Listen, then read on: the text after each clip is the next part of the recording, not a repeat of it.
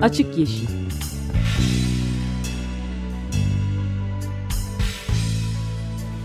Hayatın, politikanın ve sokağın çevre ekoloji gündemi.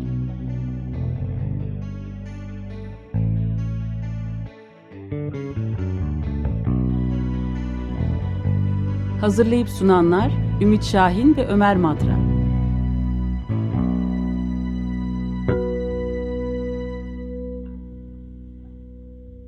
...95.0'da Açık Yeşil başlıyor. Ben Ömer Madra. Ümit Şahin. Ben de Ümit Şahin. Evet, Ümit Şahin de bu sefer Adıyaman'dan muhabirimiz olarak bildiriyor. Onun için sunuşu ben yaptım. Destekçimiz Cem Karakiraz'a da çok teşekkür ederek başlayalım. Evet. Ümit merhabalar. Adıyaman'ın Merhaba. merkezinde misin? Evet, Adıyaman merkezdeyim. Ee, Pazar gününden bu yana Türk Tabipleri Birliği'nin e, gözlemci e, bir şeyi var, grubu var bütün illerde. Ee, bir arkadaşımız buradaydı uzun süredir. O geri döndü. İşte rotasyon şeklinde biz geldik iki e, kişi. Şu anda işte pazar gününden bu yana şehri ve bazı ilçeleri dolaşıyoruz. Evet yani biraz önce programa girmeden evvel e, görüntülere bakıyordum senin durumunda ve gö- görünen ne? Gerçek olan arasında da bir farktan bahsettin. İstersen onunla başlayalım. Yani şimdilik nispeten e, yıkık gibi görünmeyen bir alanda gerçi çok az insan var ama orada e, yıkılmamış bazı binalar da var filan diye düşündürecek görüntüler var ama hepsinin hasarlı olduğunu söyledin aslında o koca Evet. koca dev binaların bile yani tam bir yok olmuş yıkılmış bir şehirden bahsediyoruz aslında değil mi? Valla şu anda Adıyaman merkezde e, insanların oturduğu herhangi bir bina yok. E, çöken binalar, e, ağır hasarlı binalar çok sayıda. Bunlar zaten özellikle şehrin e, eski yerleşim yerinde, e, çarşı bölgesinde falan çok yoğun bir yıkım var. Diğer yerlerde daha e, yolun üstündeki daha yeni yerleşim gibi görünen yeni binaların olduğu yerlerde e, ayakta duran binalar var ama tamamı hasarlı. Yani ben en azından gözle gördüğümü söyleyeyim. Hasarlı olmayan, yani gözle görülür hasarı olmayan hiç bina görmedim. E, zaten bu tür binalardan e, yani az ya da orta hasarlı binalardan sürekli insanlar eşyalarını çıkarmaya devam ediyorlar. E, işte böyle asansörlü bir takım e, aletlerle falan. E, ama en önemli olay şu. Şimdi biz burada daha çok halk sağlığı, çevre sağlığı açısından durumu e, takip etmeye çalışıyoruz. Çadır kentleri ziyaret ediyoruz. E, sağlık kuruluşlarını ziyaret ediyoruz. insanlarla görüşüyoruz.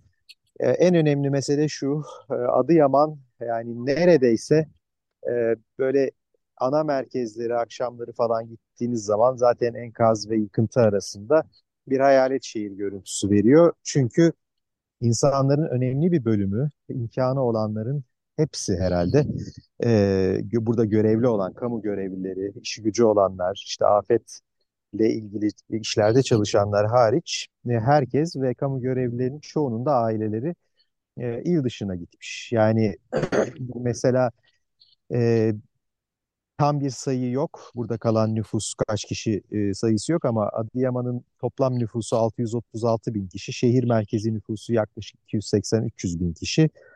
Fakat hani burada merkezde bu 300 bin kişiden 100 bin kişi kalmış olabilir belki deniyor. Yani 100-150 bin arası insan yarısından çoğunun şu anda şehir dışına gittiği söyleniyor her şeyden önce.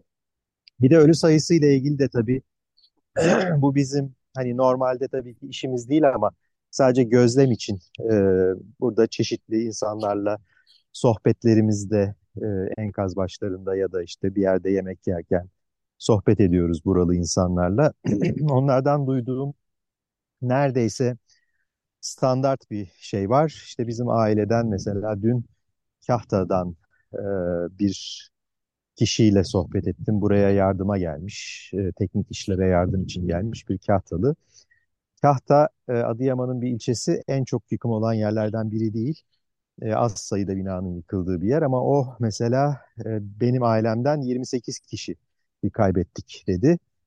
E, ve bunların sadece 9'u kayda girmiş. Yani biliyorsunuz e, ölü sayısına girmesi için e, savcının tespit etmesi gerekiyor. Savcı geliyor, işte tespit ediyor, e, tutanak tutuluyor falan. Ondan sonra adli vaka e, sayılara yansıyor. Fakat genellikle e, tabii çok sayıda e, cenazeyi çıkardıkları için ve insanlar kendileri çıkardıkları için e, bu işlem de uzun sürdüğü için beklemeyip 2-3 gün e, bekletmeyip çoğu insan kendi yakınlarını e, kendi imkanlarıyla işte köylerine götürüp falan ya da buradaki mezarlıklara defnetmişler. Bunlar e, resmi olarak kayda geçmediği için de sayılara yansımamış deniyor. Dolayısıyla burada benim görebildiğim sadece Adıyaman için benim gözlemlerim, diğer yerleri bilmiyorum ama buradaki gözlem neredeyse hani üçte bir gibi bir kayda girmiş Evet, gibi ben de bunu e, soracaktım. Üçte bir kayda görünüyor. girmişse üç, üç, iki, üçle çarpacağız yani o zaman kayıp sayısını öyle mi?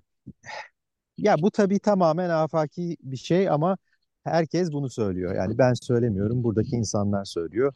Ee, kayıp sayısının e, evet üçle çarpılabilir gibi söylüyorlar. Ama yani bunlar dediğim gibi e, kişisel tanıklıklar ama gerçek sayının bulunması aslında zor değil. Şu anda zaten nüfus müdürlükleri tespitlere başlamışlar. İki şahit e, olduğu zaman yani kayıtlara girmeden defnedilen kişilerin nüfustan düşülmeye başlandığı söyleniyor. Dolayısıyla bunun e, tespiti e, çok kısa sürede yapılır ve gerçek sayı aslında ortaya çıkar. E, hani açıklanır mı açıklanmaz mı bilmiyorum ama e, yani üç aşağı beş yukarı çıkar. Çok e, kayıplar da var tabii.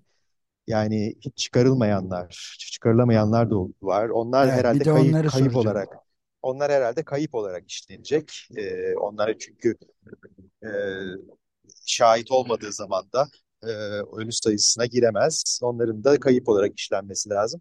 Gerçek sayıyı göreceğiz ama en azından uzunca bir süre e, Marmara depreminde de olduğu gibi gerçek sayının çok altında bir resmi sayı alacağımıza hani kimsenin kuşkusu olmasın diyeyim. Şey meselesi burada en ciddi mesele göç. E, yani çok ciddi bir iç göç e, yaşanıyor.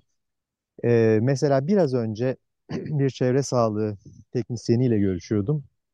E, kendisi buralı. E, evi az hasarlıymış. E, ama ailesini tabii kimse evlere giremiyor. E, kendisi burada çalışmaya devam ediyor. Ailesi için e, Antep'te bir e, ev tuttuğunu söyledi ve 13 bin lira kirayla tuttuğunu söyledi. Oh. Yani e, kiralar da çok yüksek. İnsan, ben bunu mesela İzmir'e giden insanların aileleri için e, İzmir'e gönderenleri de duydum. Benzer e, rakamlar telaffuz ediyorlar. Çok yüksek kiralarda insanlar ev tutuyorlar. Bazı insanlar yakınlarının yanına e, tabii sığınıyorlar ama o ne kadar sürdürülebilir bir şey o da ayrı bir şey. E, en önemli soru benim herkese sorduğum peki bu insanlar geri dönebilecek mi? E, ben kimsenin çadır kente geri döneceğini sanmıyorum açıkçası. Yani çadır kentler kuruluyor ama e, İstanbul dışında yani burada okullar açılacak mı? Çoluk çocuk nasıl barınacak? Bu kadar e, zor şartlara eğer e, il dışına gitme imkanı varsa bir kişinin ve burada durması kamu görevi nedeniyle falan zorunlu değilse kimsenin yakın gelecekte geri dönmesi kolay görünmüyor. Bunun için çok ciddi bir politika yürütülmesi lazım. Yani buranın hızlı bir şekilde ayağa kaldırılması falan ama nasıl olur hiç bilmiyorum doğrusu. Bu e, çok ciddi bir yani nüfus hareketi oldu. Hani kaç kişi, kaç yüz bin kişi göç etmiştir bu bölgeden toplam. E, onu hiç bilmiyorum. Hiç var mı böyle bir haber, bir sayı? Ben duymadım Hayır ama yani çok yok yüksek. yüksek ama çok yüksek Ee, yani hem enkaz altında hala kalanlar kay- kayıp sayılanlar hem de işte göç edenler filan da düşünüldüğünde büyük bir eksilme var bölgelerin nüfusunda çok Evet, buradan özellikle Akdeniz e, kentlerine, Mersin'e, Adana'ya, e, o taraflara giden çok varmış. Ama mesela yine dün görüştük. Biliyorsunuz e, şeyde büyük bir deprem oldu önceki gün yine Hatay'da. evet E, ondan sonra işte Mersin'e gidenler bu sefer orada çok sallandıkları için hani korkup tekrar geri dönmek istiyorlar. Fakat burada kalacak bir yer yok. E, şimdi onu da söyleyeyim. E, havalar neyse ki ısınmaya başladı. Yani bu büyük bir şans. ön, geçen hafta biliyorsunuz çok soğuktu. E, şu anda hani gündüz sıcaklığı 12-13 dereceye kadar çıkıyor. E, havalar oldukça ısındı.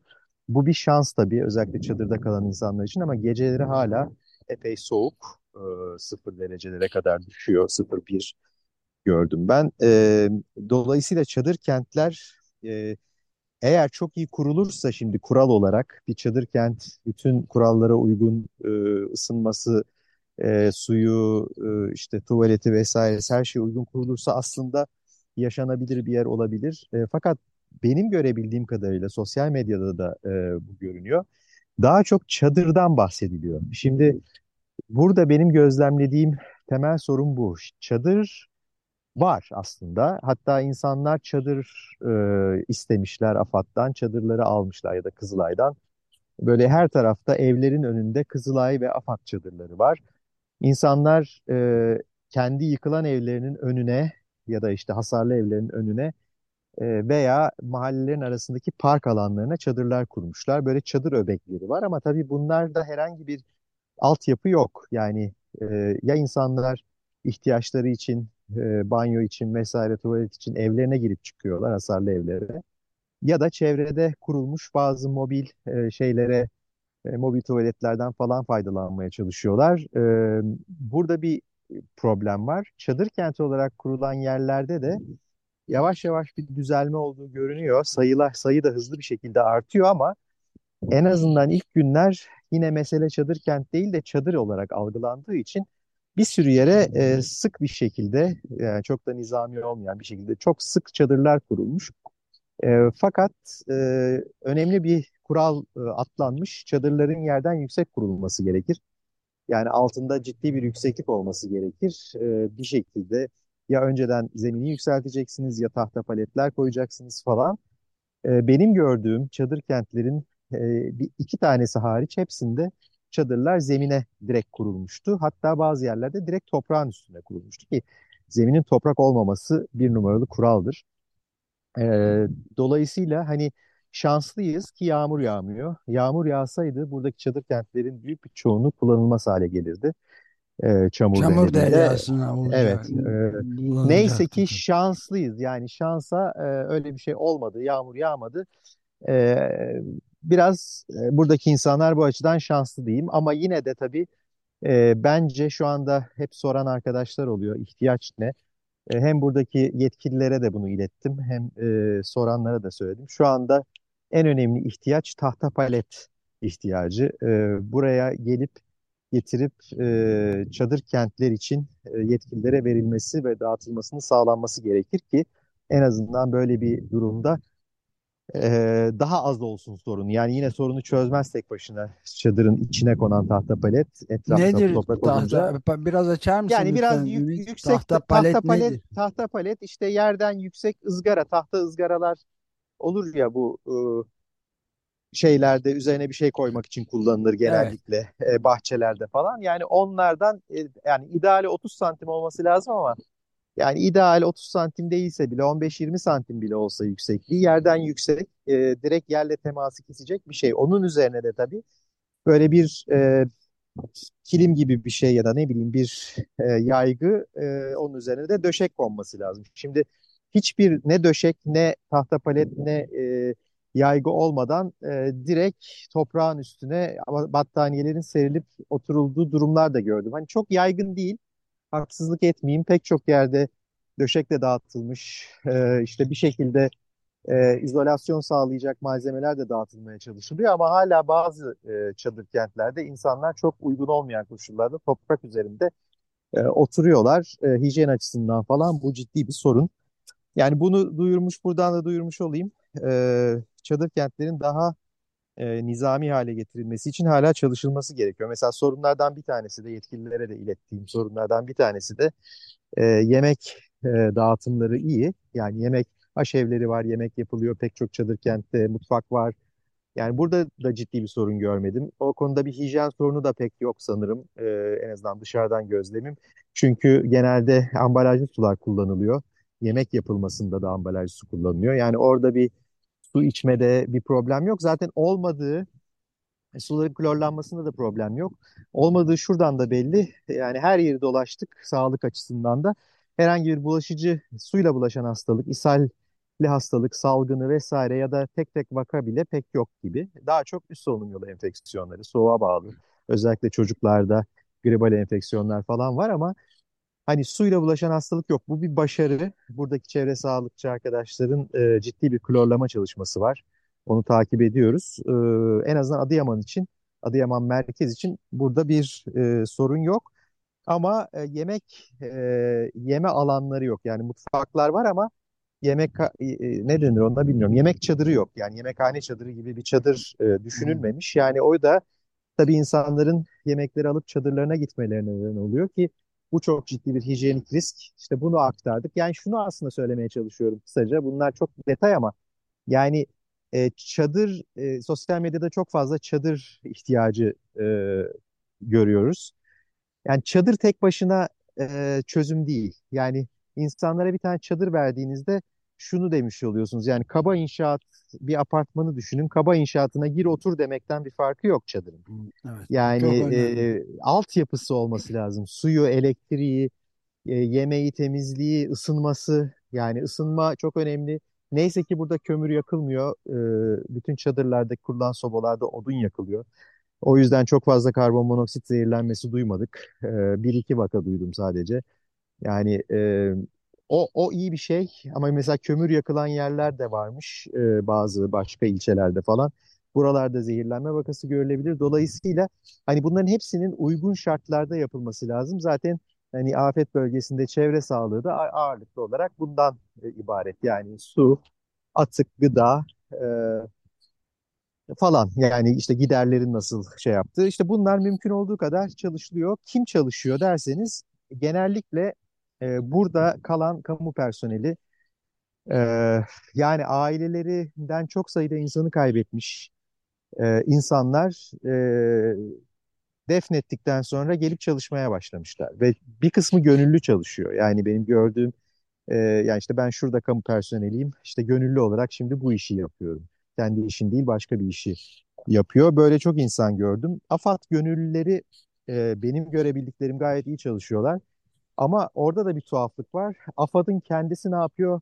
Merkez koordinasyonu e, ne kadar iyi yürüyor bilmiyorum ama AFAD gönüllüleri sahada e, genellikle başka illerden gelen e, işte öğretmenler e, vesaire insanlar e, canla başla çalışıyorlar onu söyleyebilirim.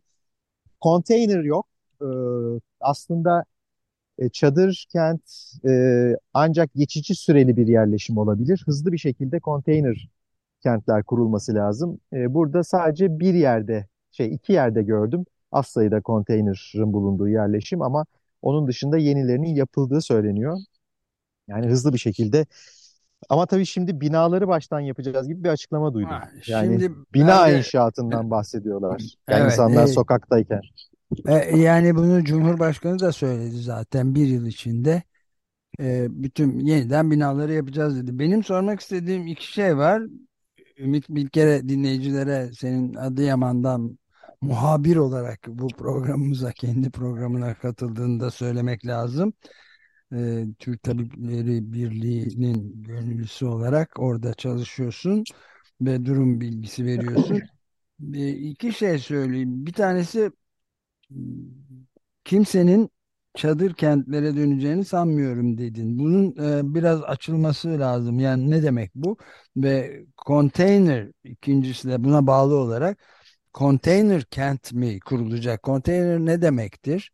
Ve nasıl ancak konteyner kentler olursa mı dönebilecekler diye bu konuyu birazcık açabilir misin?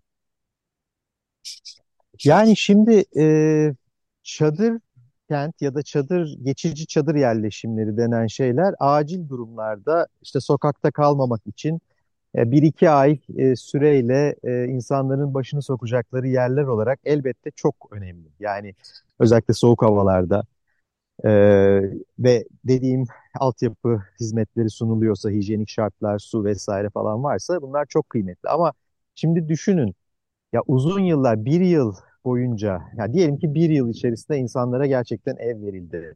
O durumda bile insanların bir yıl boyunca çadırda kalması çok akla uygun bir seçenek değil. Bunun yağmuru var, çamuru var, e, çok büyük zorlukları var, soğuğu var. Şimdi yazın e, bunun işte haşeresi var, bilmem nesi var. Yani çok zor bir iş bu.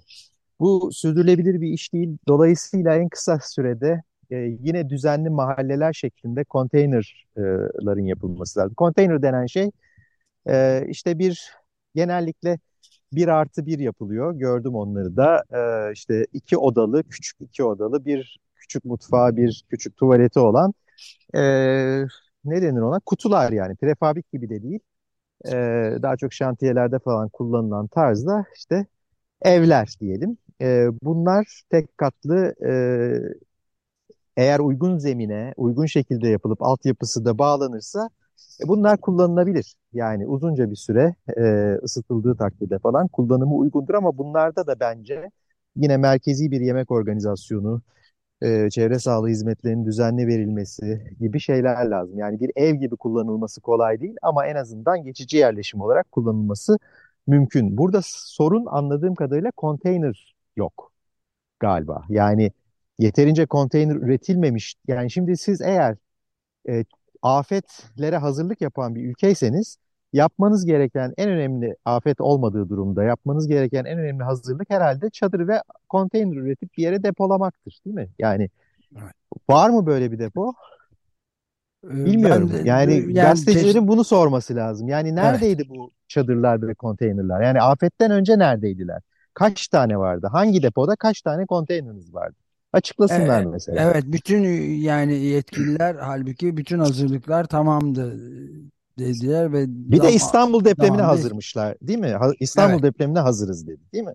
Evet, bu sürpriz olmuş. Da öyle dedi. Bu sürpriz Ama olmuş. tabii İstanbul depreminden de bahsederken e, İstanbul Büyükşehir Belediyesi Ekrem İmamoğlu'nun söylediğiyle biraz önce senden biraz önce Bekir Ağırdır'la da konuşuyordum programında aynı şeyleri sordum. Yani İmamoğlu diyor ki İstanbul'da yıkılma tehdidi olan 90 bin yapı tespit ettik diyor. Bu tabi yani keşke huzurla evinizde yatın uy uyuyun diyebilsem demişti. Bu tabi basit bir aritmetik hesapla yani 90 bin yapıdan kasıt tabi bir daire bile değil. Baya birkaç katlı yapılardan bahsediyoruz. En az iki katlı filan. Ee, burada e, o zaman sayının yani 1 milyonu yani 90 bin yapıda 10 kişi diye hesap etsek 1 milyon 90, 900 bin kişi tehlikede demektir. Bu da aklın hayalin alamayacağı bir rakama ulaşıyor tabii. Bunların konuşulması. Böyle yani e, bir afet hazırlığı varsa e, e, tabii herkes ilk başta haklı olarak e, arama kurtarmaya ağırlık veriyor ki mesela ona da bir not düşeyim. Ben burada e, sadece burası için söylüyorum yine. Diğer kentleri bilemem. E, Adıyaman ve Gölbaşı ve Kahta için söyleyeyim. Üçüncü günden önce arama kurtarma ekibi geldi diyene rastlamadım. Yani herkesin söylediği ilk iki gün kimse yoktu.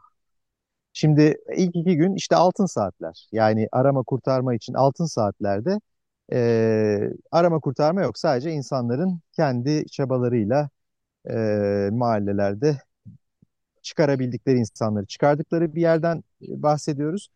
E, şey durum bu. E, arama kurtarma için e, lojistik yani arama kurtarma ekibi eğitimi yapılmış ama bunların lojistiği düşünülmemiş ya da e, bu tür bir zor durumda işte ulaşımın aksadığı, havanın soğuk olduğu bir durumda bu insanların Türkiye'nin herhangi bir yerine nasıl hızla sevk edileceği düşünülmemiş. O anlaşılıyor ama bunları haftaya daha çok konuşuruz.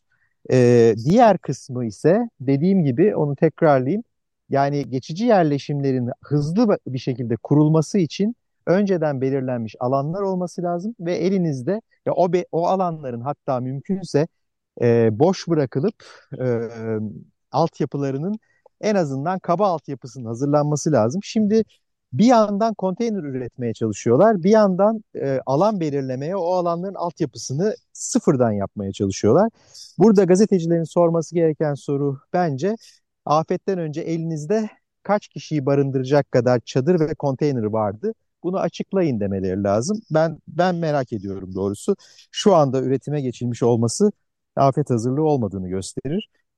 Yani bitirmeden kaç dakikamız kaldı bilmiyorum ama e, birkaç Üç dakika var üç herhalde. da- Evet. üç dakikamız var. Evet, 3 Evet. dakika içinde bir iki notum var onları da ileteyim. Lütfen. Şimdi çok fazla yardım e, geldi buralara. Yani bu tabii çok e, olumlu bir şey ve e, yardımların organizasyonu da e, anladığım kadarıyla ilk günlerden çok daha organize. Yani e, belli işte depolama alanları var, ihtiyaç belirlenip onlar gönderiliyor, istenen ihtiyaçlar gönderiliyor falan bunlar yapılıyor.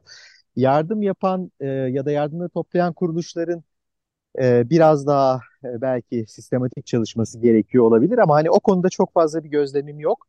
E, tek gözlemimi söyleyeyim yardımlarla ilgili. E, giysi yardımı ilk günlerde çok söylendi ve bunu söyleyen insanlar biraz eleştirildi ama e, bu kullanılmış giysi yardımı kadar yanlış bir şey yok. Yani bunu e, her afetten sonra söylenir. Sonra insanlar biraz kendi vicdanen e, bunu yapıyorlar ama kullanılmış giysi yardımı e, çöp oluyor ve yakılıyor. Burada e, çok yakılan giysi gördüm. E, dolayısıyla e, eğer bir giysi yardımı yapılacaksa özellikle e, iç giyim, üst giyim e, yani kabanlar vesaireler yeni e, olarak ambalajlı bir şekilde bölgeye gönderilmeli. Çünkü ambalajlı gönderildiği zaman e, gözümle de gördüm çadır kentlerde kapışılıyor. Ama giy kullanılmış giysiler e, yol kenarlarında öbekler halinde çöp olarak duruyorlar. Ki bu e, yani insanlara böyle şeylerin gönderilmesi uygun da değil zaten. Hani en hafif şekilde söyleyeyim. Onu yapmamak lazım. Bir notumda Fransız Sahra Hastanesi. E, dün Gölbaşı ilçesine gittik. Gölbaşı e, en büyük yıkıma uğrayan ilçelerden bir tanesi. Sağlam bina kalmamış desem, yani Adıyaman merkezden daha kötü. E, sağlam bina kalmamış desem haksızlık etmiş olmam. Çarşı falan tamamen yıkılmıştı ve çökmüştü. E, tren hattı tamamen e, 8 İptal. çiziyor. Yani tren rayları 8 çiziyor e, açıkçası. E, çünkü tam fay yani fayı görüyorsunuz zaten. Fay hattını görüyorsunuz yolda giderken asfaltın ortasında e, ve toprak zemininde e, takip edebiliyorsunuz fay hattını. Yani fay tam oradan geçmiş ve bir Harmanlı köyüne gittik. En çok yıkımın olduğu yer. Köyde 60 kişi ölmüş, e, 200'den fazla ev yıkılmış. E, çok kötü durumdalar. Halkın büyük bir kısmı göç etmiş ama geri dönecek. Mesela e, köylerde de aslında bazı köylerde, her köyde değil ama bazı köylerde böyle sorunlar var. Gölbaşı, asıl söyleyeceğim şuydu. Gölbaşı'nın çıkışında bir Fransız Sahra Hastanesi kurulmuş. Ha- Hastaneyi gezdik. Ee, 10 doktor var. ikisi cerrah, iki anestezi uzmanı, e, uzmanlar, 85 personel Fransa'dan gelmiş. Ee, 90 yataklı, iki ameliyathanesi, bir yoğun bakım ünitesi olan bir Sahra Hastanesi. Yani mükemmel bir hastane. Fakat e, 7. gün gelmiş ve 8. 9. gün hizmete başlamış. Dolayısıyla oradaki doktorlarla görüştük. Ee, yani hiç ciddi bir travma hastası tabii görmedik e, geç kaldığımız için dediler. Şimdi bu e, hastanenin büyük bir kısmı yıkılmışken mesela Gölbaşı Devlet Hastanesi hizmet vermiyormuş. Daha dün acili başlamış. E, bu kadar büyük bir e, sorun varken ve enkazdan çıkarılan yaralılar farklı illere sevk edilirken böyle bir hastanenin e, normal şartlarda ikinci gün gelip buraya kurulması mümkün. Çünkü o kadar hızlı kurabiliyorlar aslında. E, ama birinci hafta gelmiş. Yani bu kaynakların iyi e, organize edilmediğini gösterir bence. Yani bir Sahra Hastanesi geliyorsa, e, çünkü bunlar travma cerrahisinde uzmanlaşmış kişiler. Daha çok e, depremden sonraki işte savaşta, depremde falan e, bu insanlar birinci hafta geldikten sonra normal poliklinik hizmeti veriyorlar tabii. Yani o da iyi ama bu kadar uzman, bu kadar e, şey boş duruyor. Boşa gidiyor. E, evet. bunun bunun iyi hesaplanmamış, iyi planlanmamış olması da aslında yine afete hazırlığın önceden e, iyi yapılmadığını gösterir diye düşünüyorum. Ama konuşulacak çok şey var tabii. Evet, bu programın ana e, fikri de zaten iki ana fikri varsa bir tanesi hazırlıkların, ön hazırlıkların yetersiz olduğunu açıkça ortaya çıkması senin e, söylediğin. Bir de kimsenin çadır kentlere dönebileceğini sanmıyorum dediğin yani büyük bir göç şeyi de var. Geri dönüş meseleleri etraflıca konuşulacak. Ben de Sadece şey çadıra çadır kente dönmemekten öte yani başka yapacak bir şey olmadığı zaman insanlar e, çocuğunu hangi okula göndereceği Evet. belli değilse ne ne iş yapacağı belli değilse de nasıl dönecek? O da ayrı Evet. bir soru tabii. Evet, evet. Yani bütün bu şeyi bitirirken süreyi de aşarken şeyi söylemek lazım. Bu programda dahil e, bu depremle ilgili olarak Altın Saatler'in özel yayını devam ediyor Açık Radyo'nun çeşitli saatlerinde. E, geçenlerde bir gün e, 9 saat net yayın yaptık mesela. Altın çeşitli programcılar veriyorlar ve bütün bunların da e, inter- e, Açık Radyo internet sitesinde şeyde görmek mümkün. Yer yarıldı, içine e, girdik başlığı altında e, seslere filan da yer verilen çok etraflı bir şey kurmaya çalıştık e, Açık Radyo sitesi içinde. E, Bunu da söylemiş olayım. E, Bu programı da oraya e, bizim de kendimize özgü çok arkadaşımız gönüllü olarak bunların deşifresini yapmaya çalışıyorlar, transkripsiyonlarını ve bütün bu programlarda yer alıyor. Ben İnşallah de son bir not son bir not ileteyim o zaman. Bu da kayıtlara girsin. Yani e, buradaki bütün gördüğüm e, gönüllüler, e, sağlıkçılar, geçici görevlendirmeyle gelen sağlıkçılar, hekimler, e, teknik elemanlar ve çeşitli işlerde çalışan gönüllüler. Mesela psikososyal destek var, psikiyatristler var, çocuklarla oyun oynayan gönüllüler var. Bunların hepsi inanılmaz bir iş yapıyorlar. E, Canla başla çalışıyorlar. Bunu da not etmek lazım. Yani o koordinasyon iyi değil, hazırlık iyi değil ama sonradan gelip özellikle gönüllü olarak ya da görevlendirmeyle de gelse gerçekten candan çalışan e, çok büyük bir insan grubu var. Bunu da not etmiş olalım. Bunu da unutmayalım yani. Büyük bir dayanışma organizasyonu. Evet, Evet, bunu da not, evet. not ediyoruz. Ümit çok teşekkür eder, ederiz kendi programına muhabir olarak katıldın Adıyaman'dan. Evet. Süper oldu.